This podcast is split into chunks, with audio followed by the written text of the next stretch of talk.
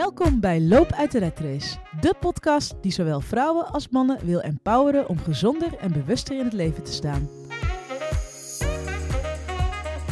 Wij zijn Jade en Lopke, jouw host voor deze podcast en twee professionele marathonlopers uit de Red Race.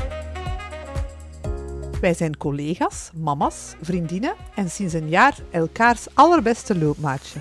Ook dit seizoen willen we jou aan de hand van onze tips, ervaringen en gesprekken met experts helpen om bewust te kiezen voor wat jou mentaal en fysiek energie geeft. Dat we ondertussen samen trainen om straks onze allereerste echte marathon te lopen, is daar een mooi voorbeeld van. Luister en geniet en laat ons vooral weten wat je ervan vindt.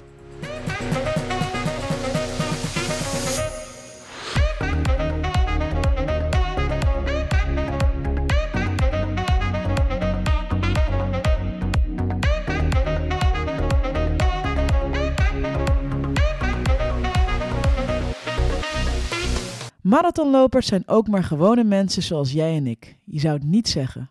Maar het is echt zo. Vandaag spreek ik met Laura. Ooit begonnen met Start Run. Ze kon zelfs nog geen vier minuten aan een stuk lopen. Maar ondertussen is ze al toe aan haar achtste marathon. Hoe deed ze dat? En wat kunnen wij als newbies van haar leren? In deze aflevering duiken we in haar persoonlijk loopverhaal.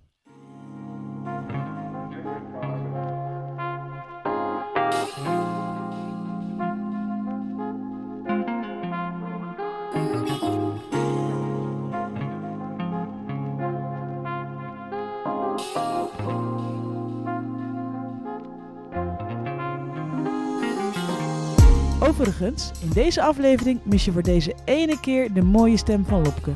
Je moet het even met mij doen. Maar geen zorgen, volgende week zijn we weer als vanouds met twee.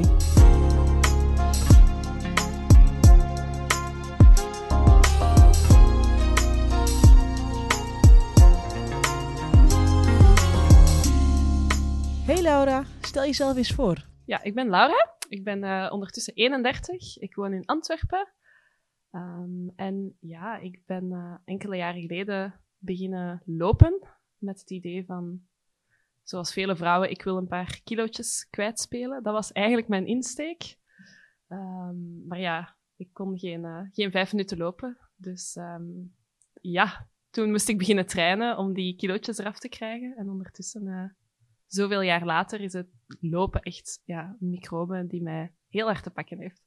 Ik ken jou natuurlijk van jouw oproepje in de plaatselijke Facebookgroep klopt, van onze klopt, wijk. Klopt, ja. En dat resulteerde in het allereerste officiële loopteam van Burgerhout. Klopt, ik denk het wel. Er is, uh, er is Antwerp Running Crew, om ook even reclame te maken voor de, voor de concurrentie hier in Antwerpen. Uh, maar in Burgerhout zijn wij denk ik, uh, denk ik het enige loopteam. Eigenlijk geïnspireerd door de zoveel café-fietsploegjes die er bestaan, dacht ik van er moet toch ook zoiets voor lopers zijn. En toen uh, heb ik Tim van Barbakeliet hier in Borgerhout gecontacteerd en gezegd van, kijk, wat denk je? Gaan we een loopclubje opstarten samen? En hij vond dat meteen een top idee. Um, dus tijdens de lockdown, nog voor de bars open waren, zijn we beginnen lopen. En uh, toen is het, ja, het was een goed excuus natuurlijk om af en toe ook een, een pintje te drinken. Maar we zijn, ja, is een heel fijn groepje geworden ondertussen, klopt. Ja. ja. wat ik zo tof vind aan jou, jij bent ondertussen al aan je achtste marathon toe, toch? Ja, dat, uh, ja, ik heb dus ja, ik heb zeven marathons gelopen, waarvan de laatste nu ondertussen een jaar geleden Berlijn was, uh, vorig jaar in september. En ik heb de afgelopen jaren eigenlijk telkens om de zes maanden ongeveer um, een marathon gelopen. Maar ja, natuurlijk, ik was ingeschreven voor de marathon van Tokio op 1 maart. En toen kwam er een beetje corona. En uh, is die marathon als een van de eerste, want die was 1 maart. Dat was toch net voor de lockdown? Eigenlijk echt nog, want we mochten eigenlijk nog naar, naar Tokio vliegen. Onze, ja, alles was geboekt natuurlijk. En ze hebben eigenlijk tien dagen voor die marathon beslist ja, van hem te cancelen. Maar ja, natuurlijk een marathon van 50.000 mensen op een moment dat in Azië al vrij slecht was, um, was misschien niet meer het beste idee. Dus ik was eigenlijk ja, klaar voor de marathon. Heel veel blessureleed wel gehad. Dus mijn, mijn idee was wel echt van gewoon uit te lopen en, en te finishen. Dat was echt het plan van, als ik dat al kan, dan, dan ben ik blij. En dan stond er normaal, uh, nu twee weken geleden uh, in oktober, midden oktober zoiets, um, Chicago op de planning. Maar dat is ook niet doorgegaan. En nu momenteel is eigenlijk het idee, want in maart gaat Tokio nog steeds niet door. Ehm, dus het zal waarschijnlijk Chicago in oktober 2021 worden, de volgende. Dus ik ben op dit moment niet heel intensief aan het trainen, omdat ik denk, ja, wanneer gaat de volgende marathon zijn? Je hebt een aantal hele interessante dingen gezegd. en eh, ehm, om het half jaar een marathon lopen, um, je blessure leed, maar je bent ergens vandaan gekomen. Kan je ons eerst even mee terugnemen naar het prille begin? De fase waarin je uh, begon met...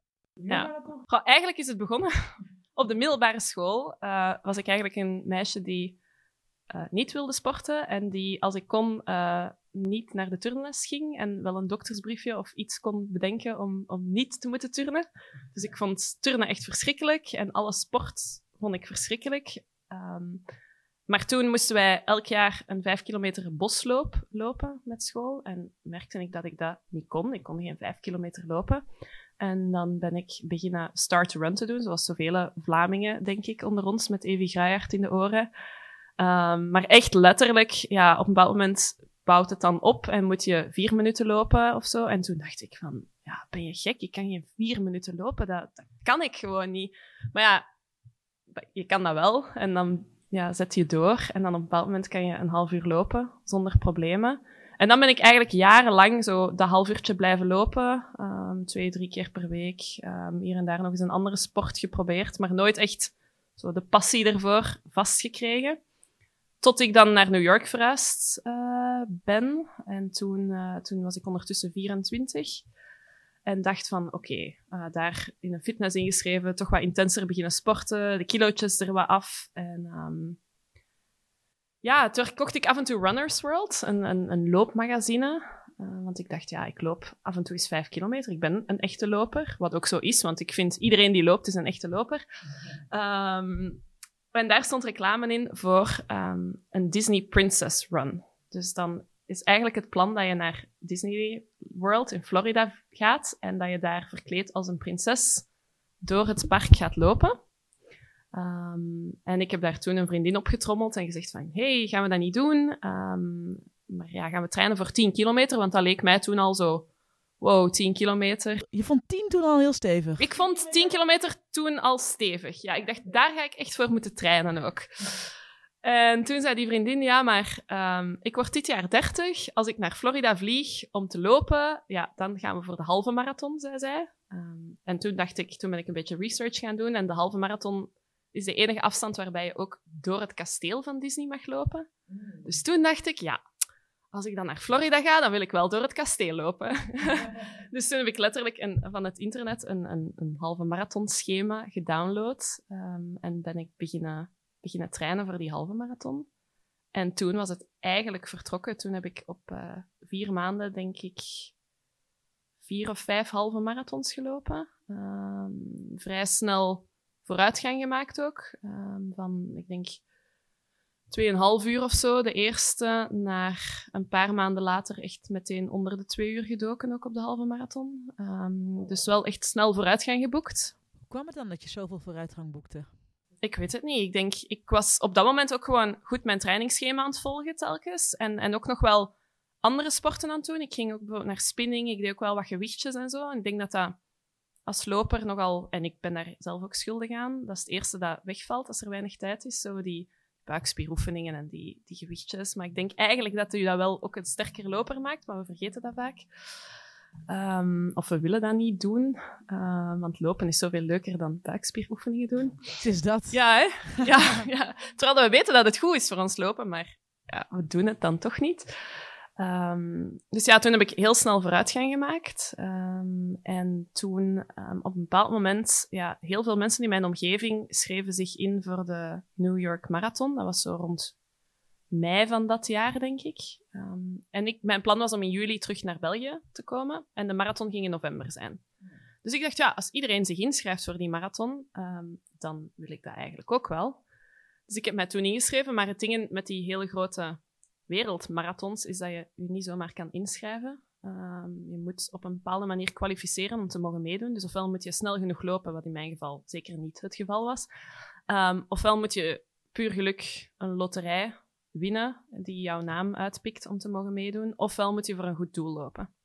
um, dat je een heel groot bedrag meestal voor een goed doel inzamelt. Dus ik was toen niet uitgekozen voor de loterij. En toen heb ik toch gezorgd dat ik via een internationaal reispak een marathonticket kon kopen. Want ik dacht, mijn eerste marathon, ja, ik heb daar 3,5 jaar gewoond, moet in New York zijn. Want dat is zo'n beetje ja, tweede thuis geworden ondertussen. En, uh, en ja, toen dacht ik, voilà, nu gaan we, nu gaan we trainen voor die marathon. Hè. Dus ook weer een trainingsschema online gezocht. Ook weer op, op eigen houtje dus? Ja, ja, ik heb mijn eerste drie marathons eigenlijk um, zonder begeleiding um, voorbereid. Echt gewoon een trainingsschema online gevonden en beginnen trainen. Ja, ja, dat was een heel intensieve periode, want ik ben begin juli terug naar België verhuisd. Um, ik ben eigenlijk van, van het Brusselse afkomstig. En um, toen in september een nieuwe job gevonden in Antwerpen. 1 oktober naar Antwerpen verhuisd.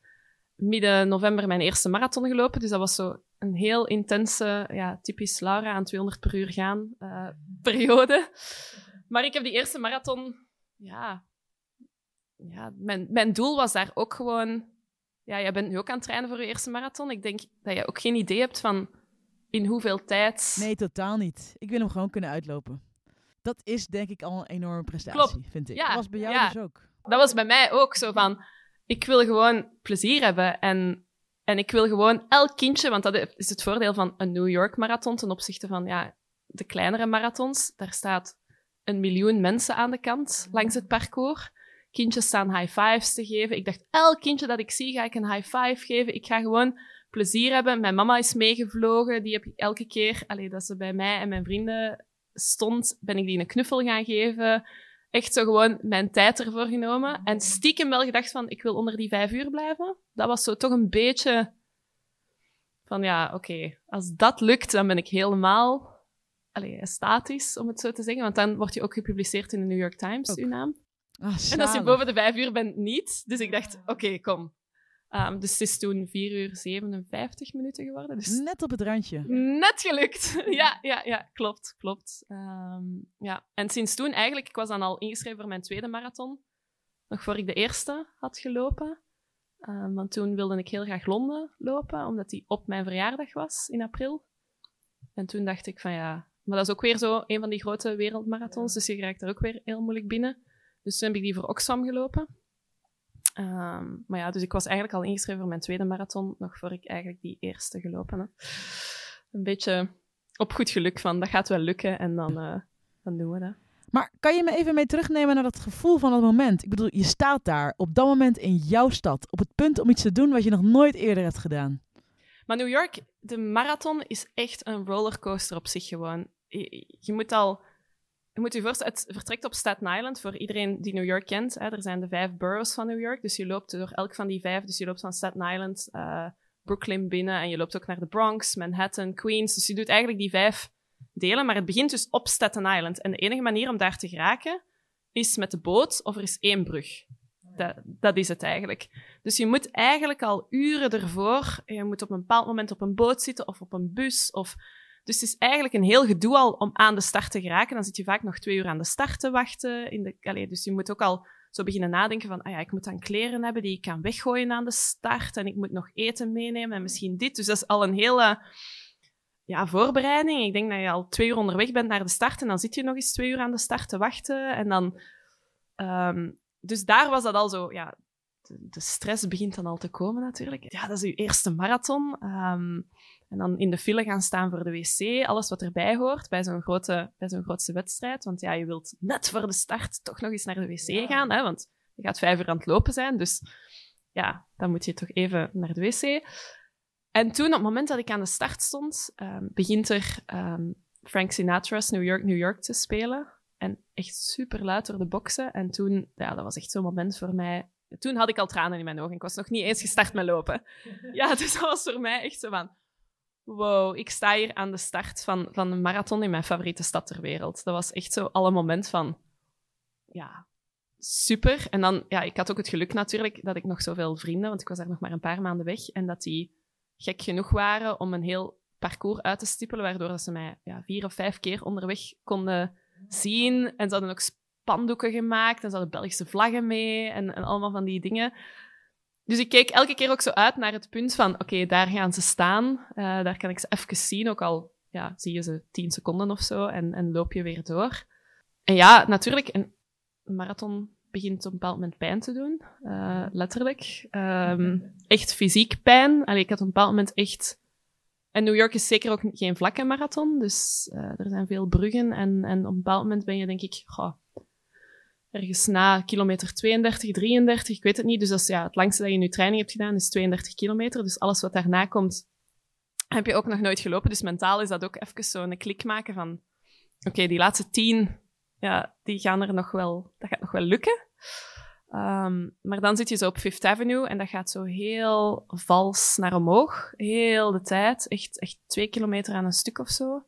En de finish ligt dan ook nog eens op een stuk omhoog. Dus dan ben je echt zo aan het vloeken van, oh, ik wil er gewoon zijn. Dan lijkt 200 meter echt verschrikkelijk ver op dat moment. Maar dan die finish, dat is echt, ja, dat gevoel van, wauw, ik heb een marathon gelopen. Ja, ja, ik kan dat echt niet beschrijven. Terwijl, ja, er zijn tegelijk zoveel mensen die het doen, maar zo weinig ook. Allee, ja. ja, ik kan, kan het niet zo goed uitleggen. Je bent daar met 50.000 andere mensen, maar toch, ja, het blijft een marathon. Het blijft 42,2 kilometer lopen. Je moet het maar doen en volhouden.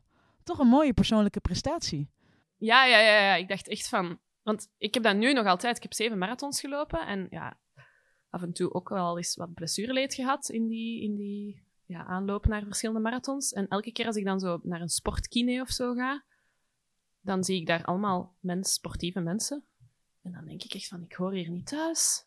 dan, dus ik ben nog altijd zo de 16-jarige Lara die start to run moest doen om vijf kilometer te kunnen lopen. In mijn hoofd ben ik nog altijd dat meisje zo. Je denkt nog altijd niet, Laura, de marathonloper. Ergens wel, maar ergens ook niet. Ik, ik, ik voel mij nog altijd niet thuis als mensen zo... Ja, als ik zo... Tussen al die sportieve mensen, dan denk ik, oh, ja, nee, daar hoor ik niet thuis of zo. Ik weet dat niet. Dat is zo heel... Ja, heel bizar om te... Om te ja, om te omschrijven, maar ja, zo voel ik mij dus wel nog vaak. Beetje aan, gebrek aan zelfvertrouwen misschien ook.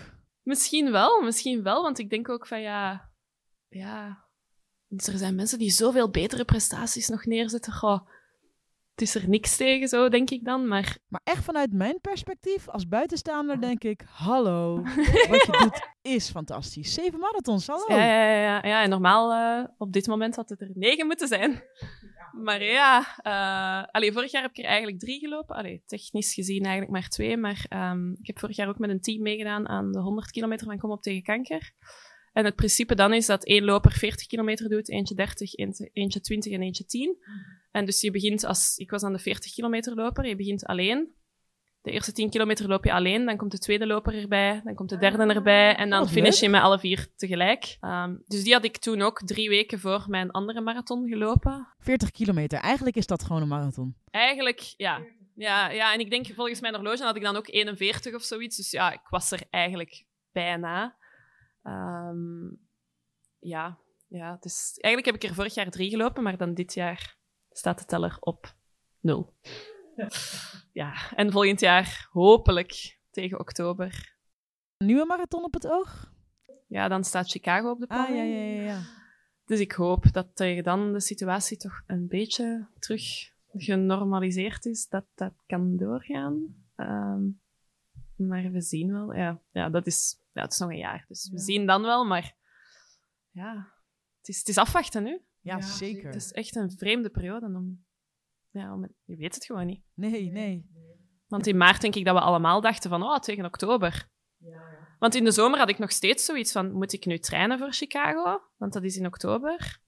Want op een bepaald moment, het was ook nog niet meteen officieel afgelast natuurlijk. Dus dan denk je, ja, zal ik maar beginnen trainen? Want je weet nooit dat het tegen oktober toch doorgaat. Ja. Maar ja, dan op een bepaald moment hebben ze het natuurlijk officieel afgelast. En dan weet je wel van, oké, ik hoef ik loop nog steeds, hè, maar ik bedoel, ik doe niet de intense marathontrainingen die ik, die ik daarvoor altijd deed. Ja. Maar kan je dan het verschil omschrijven? Wat, wat je nu, nu, want nu doe je het lekker op je gemak ten opzichte van trainen voor een marathon, wat drie, vier keer in de week echt heftig intensief is? Ik ging vier keer in de week, maar ik heb dus de eerste drie marathons met datzelfde schema gelopen dat ik online had gevonden. En natuurlijk, omdat ik van heel snel van, ja, ik kan vijf kilometer lopen, ben ik eigenlijk op een jaar naar een, een marathon gegaan. Dus ik, ik maakte ook heel snel vooruitgang. Ik ben van vijf uur, ik denk dat ik de volgende daar direct al twaalf minuten heb afgedaan. En dan de volgende zes maanden later nog eens een kwartier eraf. Dus ik ben eigenlijk vrij snel veel tijd beginnen winnen. Um, omdat ja, het is, je lichaam bent ook heel hard aan marathons lopen. Maar na drie marathons was ik dat trainingsschema zo beu, want je hebt al drie keer dat exact dezelfde trainingsschema gevolgd. Dus ik had het helemaal gehad. En mijn droom is nog steeds ooit om onder die vier uur te geraken. Dat is zo die magische grens vaak hè, voor marathonlopers van vier uur. En toen dacht ik van ja, ik ga gewoon een coach um, ja, aannemen, om het zo te zeggen. Um, en die heeft dan ook zo echt een, een lactaattest, dus die eigenlijk ja, bepaalt waar uw grens, op welk, ja, aan welke hartslag en aan welke tempo dat je eigenlijk comfortabel kan blijven lopen. Um, en hij heeft op basis daarvan een trainingsschema gemaakt. Dus dat is eigenlijk voor mij de eerste keer dat ik echt ging trainen met: oké, ik ga mijn hartslag in de gaten houden en ik ga bepaalde intervals lopen, maar dan echt niet gewoon van: oké, ik ga een minuutje sneller lopen op gevoel. Nee, nu ga je een kilometer aan dat tempo lopen en dan twee kilometer aan dat tempo en dan weer een kilometer aan dat tempo. Dus dan ben ik echt op die manier beginnen trainen. Echt met een, met een schema van, oké, op woensdag ga je die training doen, op donderdag die training. Um... Maakte dat veel uit? Merkte je meteen verschil? Ja, voor mij wel. Ook qua motivatie op een bepaald moment. Want je hebt altijd ook iemand om met een beetje verantwoording afleggen. Je kunt niet zomaar zeggen van, ja, ik ga, ik ga niet lopen morgen. Want ja, dan moet je aan de coach uitleggen waarom dat je niet bent gaan lopen. Um, en ik merkte heel snel verschil. Dus ik ben eigenlijk, ja, mijn eerste marathon was, goh, wanneer was dat? Uh, november 2016. En de laatste was dan september 2019. Dus ja, bijna drie jaar later. Ja. Um, en ik ben van 4 uur 57 naar 4 uur en 7 minuten gegaan. Dus ik heb op drie jaar tijd 50 minuten van mijn marathontijd gedaan. Oh, wauw. Dus ja, bijna aan die 4 uur grens. Hij begon in zicht te komen. Ja, Tokio van afgelopen maart was waarschijnlijk het moment geweest. Ik denk het niet, omdat ik toen met dat blessureleed zat. Maar misschien Chicago nu. Had ik deze zomer goed kunnen trainen. Had het moment kunnen geweest zijn. Um, maar we gaan het nooit weten natuurlijk. Nee, ja, inderdaad. Maar over blessures gesproken, dat is iets waar veel lopers mee worstelen. Ook in onze Facebookgroep Teamloop uit de Red Race uh, is dat een terugkerend onderwerp. Dus ik ben wel heel benieuwd wat jouw advies is om ze te voorkomen. Maar vertel anders eens, eens eerst, um, waar heb je last van? Oh, ik heb eigenlijk al van alles gehad. Uh, ik ben wel meteen ook van het moment, en dat is iets dat ik aan iedereen die wilt beginnen met lopen 100% zou aanraden, is ik ben meteen van dag één, ook al liep ik ja, 10 minuten of zo in die start-to-run training, ik ben meteen goede loopschoenen gaan laten aanmeten. Echt meteen. Ik dacht, ja, dat is, dat is het allerbelangrijkste. Voor de rest, qua kledij kan je eigenlijk... Ja, je vindt wel iets in je kast, bij wijze van spreken, maar die schoenen zijn echt... En als vrouw een goede sport-BH. Ja. Uh, zeker als je ja, een beetje borsten hebt, um, ja, dan doet het gewoon pijn als je gaat lopen met een sport-BH die niet genoeg ondersteunt. Dat is gewoon, dat is gewoon niet oké. Okay. Dus dat zijn de twee dingen waar ik, waar ik wel zou zeggen van oké, okay, daar moet je één keer geld tegenaan gooien, om het zo te zeggen. En, en, maar dan kan je eigenlijk starten ja. met lopen. Um, en naarmate dat je natuurlijk progressie maakt, gaat je loopkleerkast heel uitgebreid worden met lichtjes. En op een bepaald moment in New York had ik zelfs um, dingen om aan mijn schoenen te doen voor als het gesneeuwd had en zo van die dingen. Ja, dat heb je hier in België misschien niet direct nodig, maar je kan heel ver gaan in, in het lopen. Um, je kan er ook heel veel geld tegenaan gooien, maar je kan ook ja, ja, want het klinkt als een hele eenvoudige sport waar je niet veel voor nodig hebt. Maar je kan, dus wel, uh, je kan je dus helemaal laten gaan. Het kan heel duur worden. Zeker als je nog al die wedstrijden, die zijn ook niet gratis. Dus als je een paar wedstrijden per jaar wilt doen en zo van die dingen. Um, ja, als je twee marathons per jaar loopt, dan heb je ook twee, drie paar schoenen per jaar nodig die je verslijt. Want ja, die gaan ook maar 800 kilometer is dat zeker, tot 1000 maximum mee. Dus ja, maar dat is wel iets dat heel belangrijk is. Ik merk ook heel snel als de demping uit mijn schoenen begint te geraken, dat ik pijntjes begin te voelen. Ik merk dat gewoon van mezelf. Dan begin ik... Ja, ik heb al last gehad, bijvoorbeeld scheenbeenvliesontsteking heb ik al een paar keer gehad. Um, dat is iets ja, waar ik al een paar keer mee geworsteld heb. Um, nu is het gelukkig al, alweer een hele tijd geleden, maar het blijft zo af en toe zo nog eens de kop opsteken. Ehm, ik heb al last gehad van mijn SI-gewricht. Dat is blijkbaar iets dat bij vrouwelijke lopers veel voorkomt. Dat is eigenlijk heel laag in je onderrug, zo bijna aan je billen. Ehm, dat gewricht dat daar zit. Dat is blijkbaar iets typisch voor vrouwelijke lopers. Ehm, dus dat zijn zo wat de blessures. Ik zeg het, die scheenbeenvlies is bij mij al, al, al een pittige geweest. En dan een keer steunzolen en dan weer zonder steunzolen. En dan... Kan dat dan door de verkeerde schoenen? Nee, door... Ja, en... en ik moet zeggen, de laatste keer dat ik het had was, met Berlijn vorig jaar. En ik dacht eigenlijk dat ik iets anders had. Ik herkende de pijn niet. En ik ben eigenlijk gewoon blijven doorlopen. En dat is natuurlijk het domste dat je kan doen. Als je pijn voelt, toch blijven doorlopen. Maar ik dacht, ja, ik wil Berlijn gaan lopen. Dus ik, ik blijf doorlopen. En, en dan wel ja, naar de kine en dit en dat. Maar ja, na Berlijn ben ik eigenlijk een hele maand ik had veel te veel pijn, ik kon niet meer lopen. Een echo laten maken, dan bleek dat het dus wel scheenbeenvliesontsteking was. Uh, veel kine gedaan en dan, dan raak je er wel snel vanaf op zich. Maar ja, je mocht echt niet blijven doorlopen als je pijn voelt. Dat is echt het domste, domste dat je kan doen. En dan kan je nog in samenspraak met je kine of met je dokter gaan zien van, want ik heb dan ook gehoord, met scheenbeenvliesontsteking helemaal volledige rust is ook niet echt goed. Er moet zo een beetje doorbloeding wel blijven. Maar ja, het is niet de bedoeling dat je met scheenbeenvliesontsteking misschien 20 kilometer gaat lopen. Ga eens een rondje van 3, 4, 5 kilometer lopen, maar niet...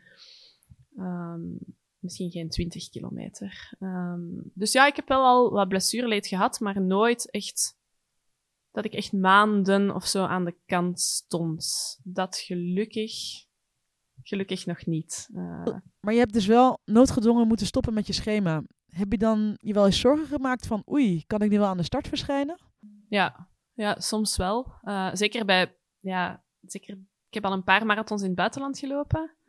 En dan zit die druk natuurlijk extra, want ja, je hebt een hele reis daar rond ook geboekt. Ook al is dat Berlijn, ja, daar is een heel, ja, een heel, ja, je hebt een hotel geboekt en je hebt van alles, alles geboekt. Plus, maar dat is misschien iets, ja, nog een ander uh, onderwerp, maar um, ja, er zijn, in, er zijn zes World Major Marathons in de wereld. En als je die alle zes loopt, dan krijg je ook nog zo een speciale six-star finisher medaille.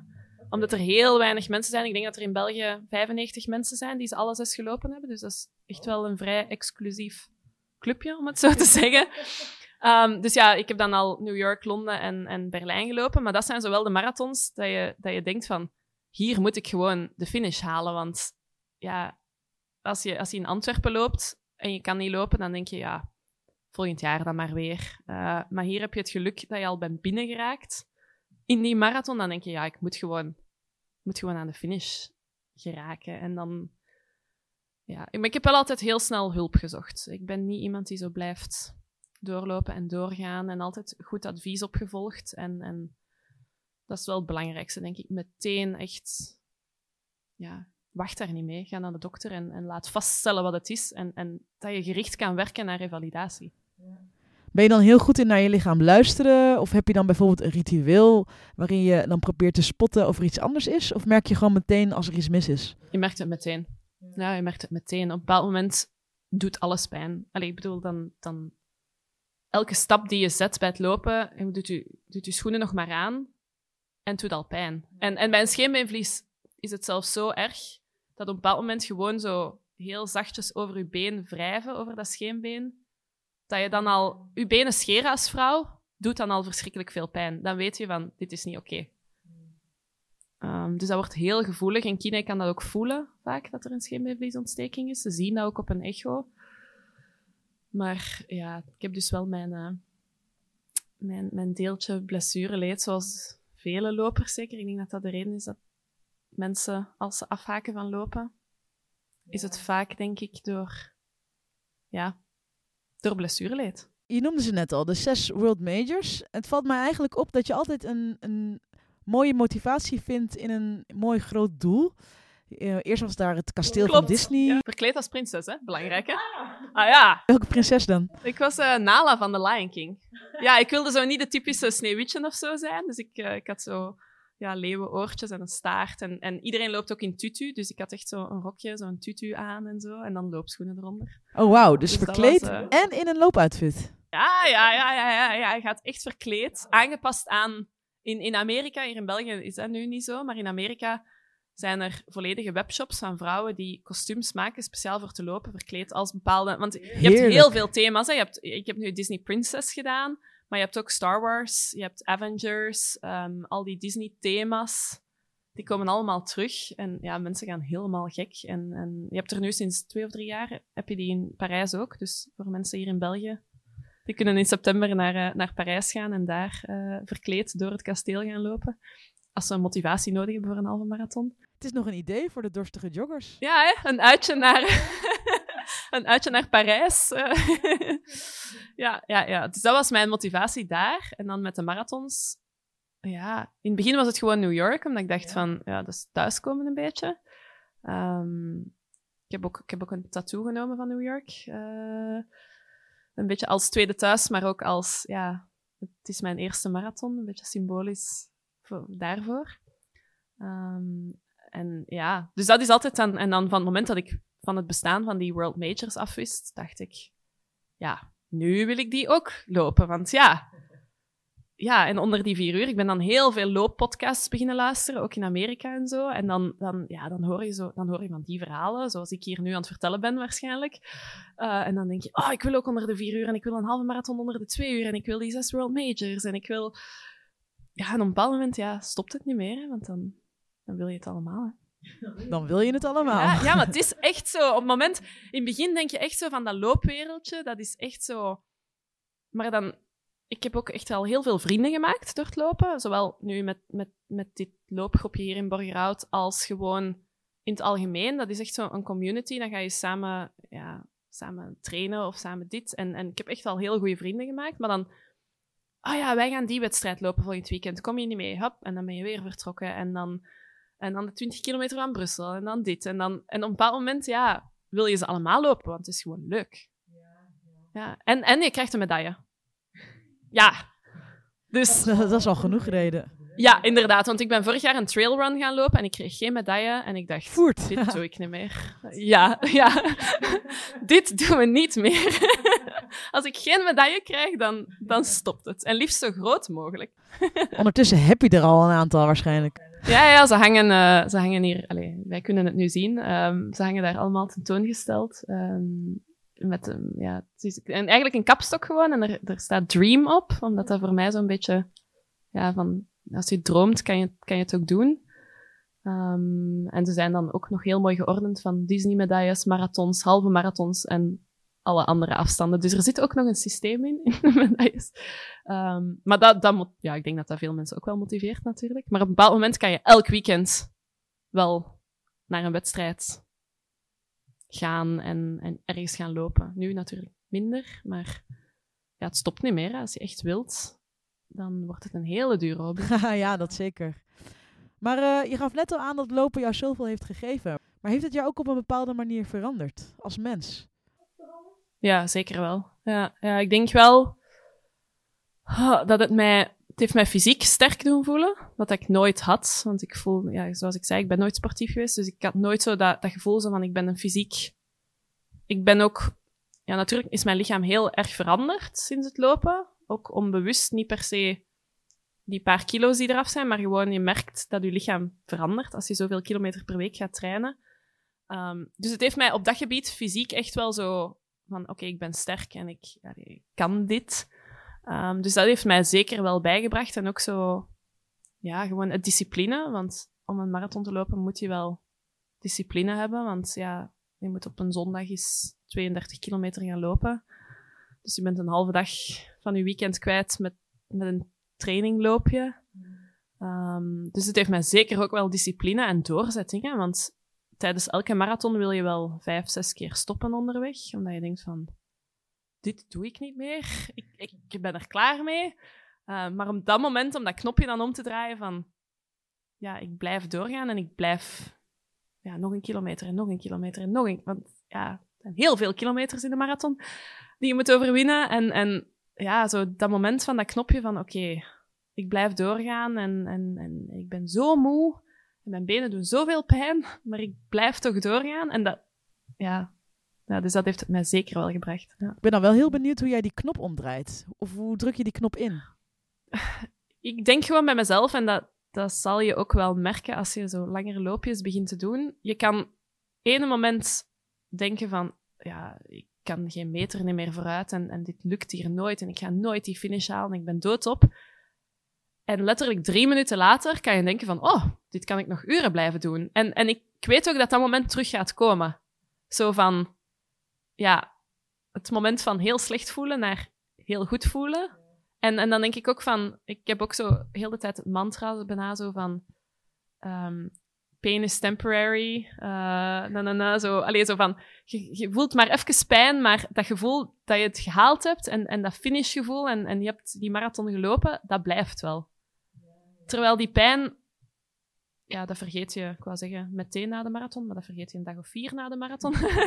um, ja, dus dat, dat blijf ik dan heel de tijd in mijn hoofd zeggen. En ook zo gewoon van, ja, maar hoe sneller dat je nu blijft verder lopen, hoe sneller dat je aan de finish bent en hoe sneller dat je er vanaf bent. Dus ik blijf zo, ik blijf dingen zoeken van, oké, als je supporters hebt, van nog twee kilometer en dan zie ik hen. Niet zo van nog, nog twintig kilometer en ik ben er. Nee, nog twee kilometer en, en ik kan de supporters weer zien. Zo kleinere, kleinere tussendoelen eigenlijk gaan stellen. Of wat dat bij mij ook heel hard helpt is, ja, in Berlijn was het al...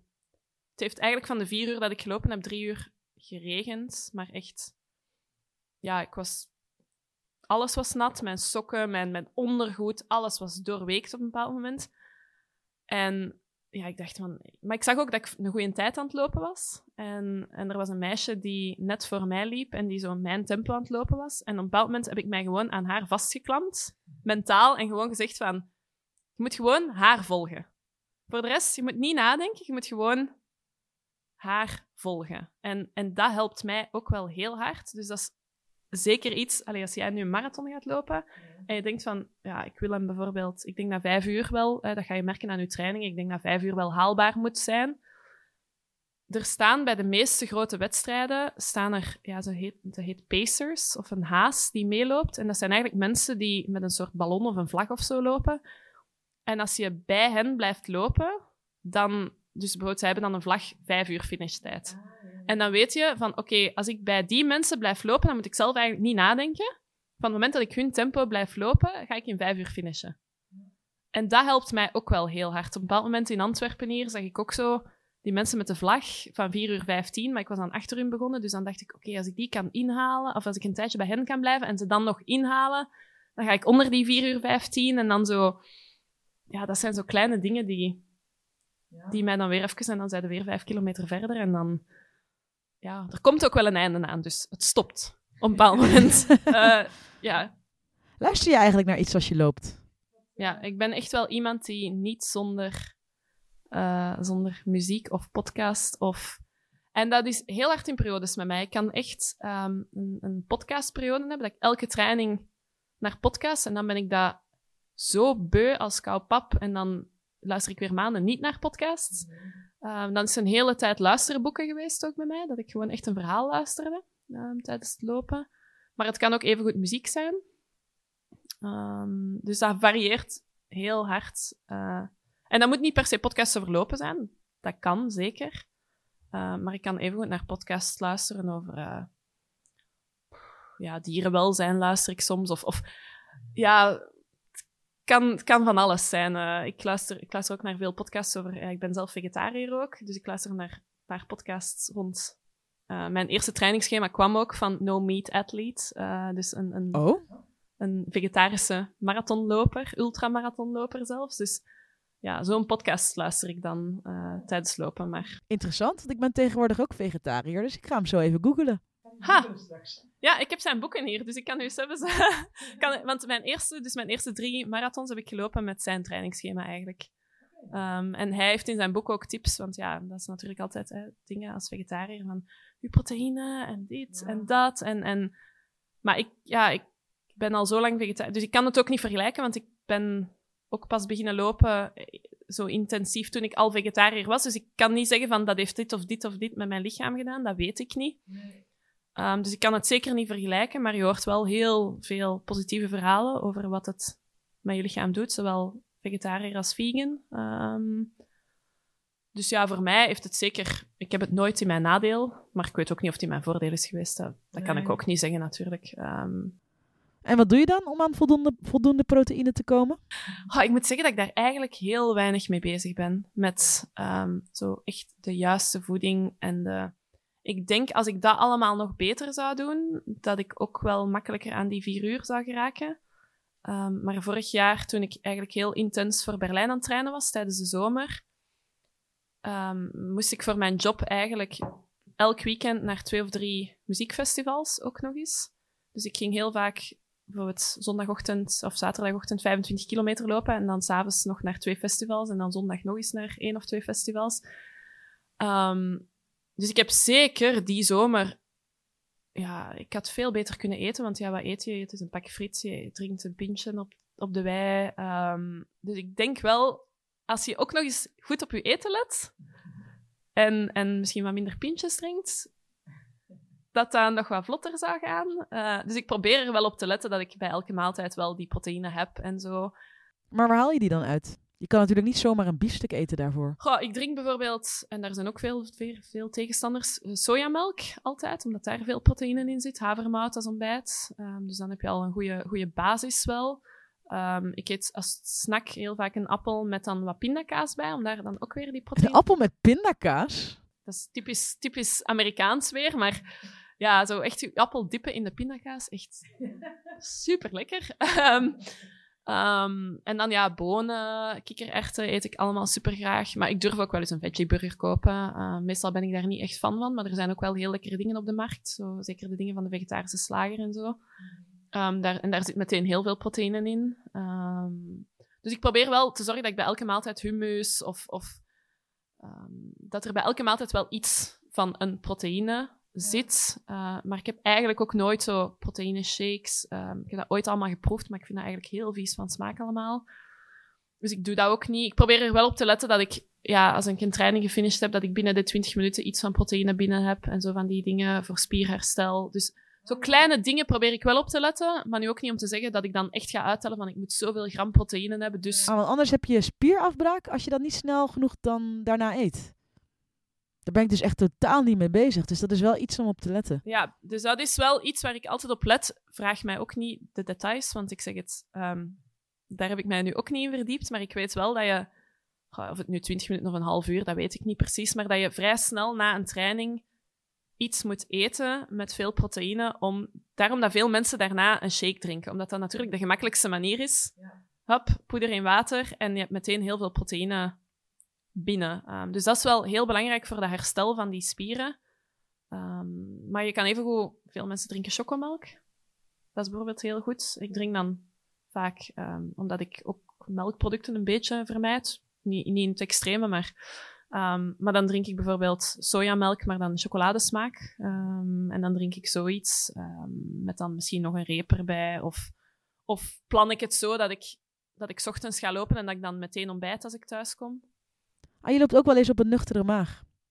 Ja, ja zo tot, tot een uurtje lopen kan ik dan nog wel op een nuchtere maag. Dus als ik zo'n herstelloopje of zo moet doen. Als het een pittige intervaltraining is, dan lukt dat meestal niet. Dan, dan moet ik wel iets eten. Maar dat is ook heel persoonlijk. Hè. Je hebt mensen die een halve marathon kunnen lopen op een nuchtere maag. Ik kan dat bijvoorbeeld niet. Ik heb mensen die ook... Ik kan bijvoorbeeld dan wel 20 kilometer gaan lopen zonder bevoorrading. Uh, maar je hebt dan mensen die ook dat niet kunnen, die dan wel veel drank nodig hebben. En dat is ook iets dat je ook wel opbouwt. In het begin had ik altijd... Ja, voor elke... Allee, voor 15 kilometer had ik al een gelletje mee en water. En, en, en, en dat wordt ook altijd minder en minder, omdat je lichaam wel wendt aan die afstanden. Nu, als mensen mij vragen, oh, ga je ver lopen dit weekend? Dan denk ik, ga 15 of 20 kilometer. En dan denk ik, ja, beschouw jij dat als ver? Allee, snap je wat ik bedoel? Ik beschouw dat al bijna niet meer. ja, dat is ver, Laura. Ja, ja, ik, ja, maar zo 15 kilometer, dan denk ik, dat vind ik dan nog middelmatig voor mij. Snap je? Ik vind 30 kilometer, dat is ver. Um, maar in mijn hoofd is zo, ja, 15 kilometer, dat valt wel mee. Snap je? Dat is zo hoe dat er heel hard een switch komt van vier minuten lopen is ver naar oh, 15 kilometer valt best mee. Ja, maar dat is inderdaad zot. Want in, in welk tijdsbestek is dat dan? Die start to run, die is wel al geleden van als ik... Ik ben nu 31, dus die is wel van mijn 18e geleden of zo. Ja, en dat ben ik dan wel, want dat, dat gevoel heb ik ook wel. Hè. Dat is het, het leuke aan lopen wel, het leuke en niet leuke. Je moet door die start-to-run fase, als je echt geen conditie hebt, daar moet je doorgeraken. En van het moment dat je dat half uur kan lopen, dan wordt het leuk. Want dan kan je vrij snel opbouwen. In het begin, dat is niet leuk. Eén minuut wandelen, één minuut lopen, één minuut... Dat... En dan ben je nog moe na die training. Dat is, dat is gewoon niet leuk. Maar een keer dat je zo dat half uur kan lopen, dan maak je daar eens 35 minuutjes van, dan maak je daar eens 40 minuutjes van. En dan merk ik ook dat je relatief snel misschien 10 kilometer kan lopen, want ja, je loopt dan al regelmatig die, die, die 5 kilometer en dan, dan kan je lichaam dat wel aan. Het is bij mij eigenlijk pas vanaf tot de halve marathon vond ik, vond ik de training ook relatief simpel, om het zo te zeggen. Ik bedoel, ik denk dat ik twee keer per week een half uurtje ging lopen en dan deed ik wel nog zo wat spinning en, en andere dingen in de fitness, maar en dan in het weekend is een langere loop, maar dat was vrij basic. Ik had ook geen sporthorloge, niks. Ik, deed, ik trackte dat gewoon op mijn gsm. En, en dat was oké, uh, met een Strava of een Nike Running of wat je ook gebruikt. En het is pas eigenlijk van het moment dat ik dan echt voor die marathon ben beginnen trainen, dat ik wel dacht van, oké, nu wil ik wel een sporthorloge, waar dat ik, als ik intervals moet doen, dat ik niet de hele tijd op mijn gsm moet zitten kijken. En ja, dus ja, dat is, het is, er is wel wat tijd over gaan, maar het is eigenlijk... Ik, die eerste halve marathon was... Dus ik ben dan wel van vijf kilometer naar een half. Dus ik heb eigenlijk heel... Ik heb nooit echt zo vijf kilometer of tien kilometer races of zo gelopen, amper. Um, dus ik ben dan eigenlijk... In februari heb ik de eerste halve marathon gelopen. In maart heb ik er nog eentje gelopen. In mei heb ik er twee gelopen. Uh, waarvan die ene dan meteen onder de twee uur was. Um, ik denk dat ik een hele goede dag moet gehad hebben, want dat is mij daarna ook niet meer gelukt. Dus Um, en dan in november was een marathon. Dus op tien maanden zoiets ben ik eigenlijk van, oh ja, pakt een jaar, um, ben ik van, van een vijf kilometer naar een marathon gegaan. Um, wat best wel, maar echt gewoon uitlopen, hè? Ja, ja. Maar dat geeft wel perspectief aan iedereen die nu enorm worstelt met met die start-to-run. Ja, ja, met start-to-run. Ja, ja, ja, ja, ja, ja. Het lijkt zo uitzichtloos, want je moet zoveel weken en dan nog, nog een keer wandelen, nog een keer wandelen. En dan... Allee, ik ken ook heel veel mensen, en dat is zeker, allee, zeker oké, okay, mensen die trainingen van start-to-run ook twee of drie keer na elkaar opnieuw moeten doen, omdat ze nog te pittig waren. En dan denk ik, maar doe dat gewoon. Maak, ik weet niet hoeveel weken het programma nu is, twaalf weken of zo, ik weet het zelfs niet precies Maak daar 24 weken van. Als uw lichaam dat nodig heeft, dan moet je dat gewoon doen. Want als je zo gaat forceren, ja, dan, is, dan is de fun er ook af. En dan ben ik ervan overtuigd dat je het ook nooit volhoudt. Want als het elke keer niet leuk is, ja, dan iets dat elke keer dat je drie keer per week niet leuk vindt, dat blijf je niet doen. Dat, dat is gewoon zo. Dus, dus ja, maak daar je eigen ding van. Oké, deze training vond ik eigenlijk veel te moeilijk. Ik voel mij nog niet klaar om, om de volgende training te doen, ja, dan doe je die training opnieuw. Hè? En dan ben je er in 24 weken. No pressure. Ik bedoel, dat, dat moet kunnen, vind ik. Um, hetzelfde met een, daarom vind ik een coach wel goed. Die kan daar heel erg rekening mee houden. Daar kon ik tegen zeggen van... Oh, ja, deze loop, dat vond ik toch te pittig. Dat tempo, dat ging echt niet dat was niet haalbaar voor mij. Of, of dan ziet hij ook, ik moest dan ook altijd zien van mijn hartslag en hij kon mij wel zo wat opvolgen. En dan, ja, dan ziet hij mijn hartslag dat die training niet oké was. Of, of... En dan kan je dat ook gaan aanpassen. En dan wordt er ook rekening gehouden met, ja, dit is te pittig voor mij. En, en voor mij is misschien een marathon in vier uur lopen een hele uitdaging. Voor sommige mensen is een marathon in zes uur lopen een hele uitdaging. Voor sommige mensen gaan voor twee uur en een half. Dus het is ook geen wedstrijd tegen anderen. Dat vind ik vooral het dingen. Er zijn zoveel lopers. Iedereen loopt dezelfde afstand, maar ieder... Het is een, een wedstrijd. Ik heb ook mij nooit vergeleken met andere mensen. Want natuurlijk, als je in je omgeving begint te kijken, dan hoor je mensen die zo hun eerste marathon op drie uur lopen. Dan denk ik, ja, oké. Ehm, ja, die doen dat maar even. Maar dan denk ik, dat is het punt niet. Het is, het is uw uitdaging en uw doel. Mijn doel is gewoon en daar leg je jezelf ook wel wat druk op. Allee, ik toch. Het moet gewoon net iets sneller zijn dan de vorige. Dat wou ik wel elke keer. Zo'n keer dat je er één hebt gelopen, dan wil je dat die volgen. En dan komt de stress niet meer van, ga ik dit kunnen lopen? Nee, nee, dan komt de stress van, ga ik wel sneller zijn dan de vorige. Ah, maar je bent dus nu ondertussen overtuigd van, die marathon, dat is geen issue voor mij. Uitlopen lukt sowieso. Nee, nee klopt. Als je mij nu, ik heb nu al een jaar um, geen marathon meer gelopen. En ik denk, ik heb een paar maanden geleden met onze dorstige joggersgroepje nog eens een halve marathon gelopen. En dat, dat ging ook. Ja, supersnel. Veel te rap voor mij. Ja, ja, we proberen er. Ja, ja, ja, er zitten wel wat mannen bij die, die het tempo soms een beetje ehm, omhoog drijven. Maar ja, we zijn nu vorig weekend dan ook nog eens 15 gaan lopen. Maar veel langere afstanden dan dat heb ik de laatste maanden echt niet gedaan. Ook om, ik had er ook even geen zin meer in. En dan denk ik, dan is dat ook oké. Dan moet ik gewoon luisteren van, het is even niet leuk niet meer. Ja, dan, is, dan hoeft het ook niet. Ehm, maar ik ben er nu van overtuigd als je mij zegt van, je moet zondag een marathon lopen, maar je hebt alle tijd van de wereld. Allee, ik zeg niet geen tien uur of zo, maar je hebt vijf uur de tijd, dan lukt mij dat.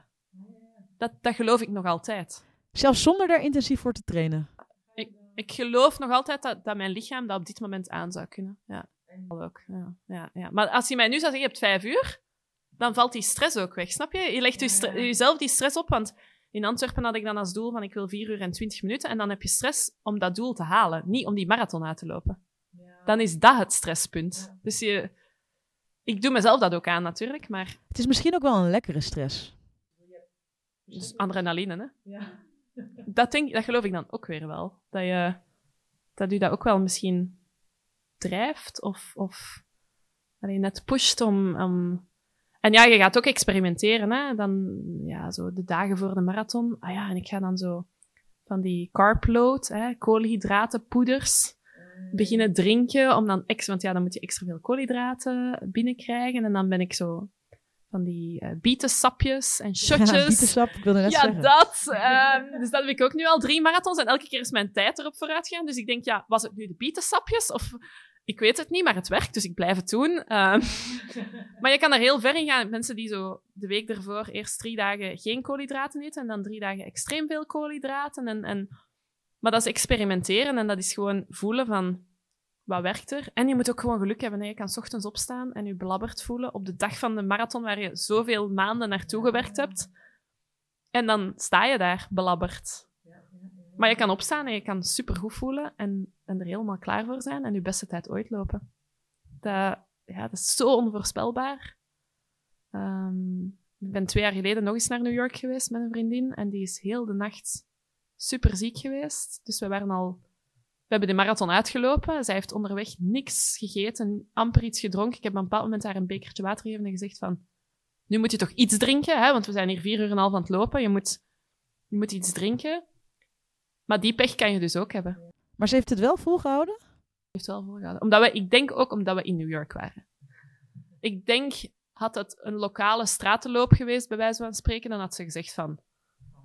Ja, inderdaad, ik blijf in mijn bed liggen. Maar je bent naar New York gevlogen. Je hebt veel geld betaald voor dat marathonticket, want dat is het dan ook wel, die internationale... Die zes World Majors, waar dat je al zo moeilijk binnengeraakt. Als je dan binnengeraakt, ben je nog een klein fortuin kwijt. Over welk bedrag hebben we dan eigenlijk? Als je met de loterij binnengeraakt, is denk ik New York een 250 euro. Ik denk dat, ja, ik denk dat Tokio 200 was. Berlijn is denk ik nog iets minder. Maar dat is zoveel. Maar ja, ergens logisch. Ze sluiten een hele stad een hele dag af. Politie, al die dingen. Als je ziet wat een organisatie dat daarachter zit, begrijp ik het ook ergens wel. En dan hangt het ervan af, als je voor een goed doel moet je vaak nog eens... Ik moet voor Chicago, loop ik voor eh, Stichting Kinderkankervrij in Nederland. Voor Kika, daar moest ik 6000 euro voor inzamelen. Ehm, gewoon voor het goede doel, om te mogen meedoen. Hoe- Hoe pak je dat dan aan? Met wafelenverkoop? Ja, ja letterlijk eh, wafeltjes verkopen aan supermarkten. Ehm, ik heb nu ehm, met corona ehm, meteen op de mondmaskerkar gesprongen. En ergens heel goedkoop, ehm, hele goede eigenlijk mondmaskers kunnen aankopen. En die dan voor 2,50 euro, wat nog altijd een hele mooie prijs is voor wasbare mondmaskers, kunnen verkopen. Dat was eigenlijk, eh, mijn mama is daar echt mijn steun en toeverlaat in geweest. Ehm, maar ik denk dat wij zo bijna 3000 euro verdiend hebben aan mondmaskers. Dus ja, Wauw, stel je voor dat je ze gewoon voor de normale Ja. prijs had verkocht. dan had ik nog een wedstrijd kunnen doen voor het goede doel. Ehm, maar ja, dus die, er, er, het is wel een budget als je die zes World Majors, ja, je moet naar daar vliegen vaak en hotels en, en ja, je vliegt ook niet naar Tokio puur om de marathon te gaan lopen. Je wilt ook nog, dan, dan ben je in Japan, dan wil je wel Eh, ja, mijn Lonely Planets staan hier in de kast. Ik, het was helemaal gepland. Het is tien dagen ervoor helemaal gecanceld. Dus ja, je maakt er dan ook wel een vakantie van ineens. Dat is ook het leuke. Het is niet alleen die marathon gaan lopen, het is de hele beleving er rond. En naar die Marathon Expo gaan en je nummer gaan ophalen en de merchandise gaan kopen en, en, en dat allemaal. Het is, dat is een hele industrie en een hele... Ja, ja dat is, gewoon super fijn eigenlijk. Dat is, ja. Daarvoor werk je zes maanden. Voor een truiten, overpriced truiten gaan kopen op een Marathon Expo. Dat is het eigenlijk. Ja, je hebt me wel echt nog meer motivatie gegeven om... Hoe lang heb jij nog? Ja, dat is nog wel heel lang. Mei, eind mei. Nog heel lang. Want meestal train je maar drie maanden op voorhand, toch? Zoiets, ja. Maar ik denk dat het geen kwaad kan als het je eerste is, van dat gewoon al veel langer op voorhand. Hoe meer kilometers dat je in de benen hebt, hoe beter. Want jij doet Great Breweries, hè? Ja. Ja, een hele fijne. Ik heb de 25 kilometer daar gelopen vorig jaar. En ik heb altijd gezegd van, dat is wel een marathon die ik ook nog eens, ook nog eens wil lopen. Dat is een heel, heel, heel fijne organisatie, heel fijn parcours. Dus, eh, ja. En je krijgt bier aan de finish. Je krijgt bier aan de finish. En de medaille is een bieropener. Dus kijk, multifunctioneel. ja. Zeg, ik weet genoeg, maar ik heb wel nog één vraag voor jou. Wat zou je tegen jezelf willen zeggen? Tegen dat meisje dat net begonnen is met hardlopen. Met de kennis van nu dan, hè? Wat voor advies zou je haar willen geven? Gewoon volhouden. Gewoon echt. En het wordt leuker. En het wordt makkelijker. Het blijft niet, het blijft niet zo moeilijk. Het, het wordt echt wel makkelijker. En het, er komt een punt dat gewoon, dat 15 kilometer gaan lopen gewoon leuk is. Dat punt komt er. Ook al geloof je dat nu niet, dat komt er echt wel. Dus ja, Merci. graag gedaan. Bye. Doei.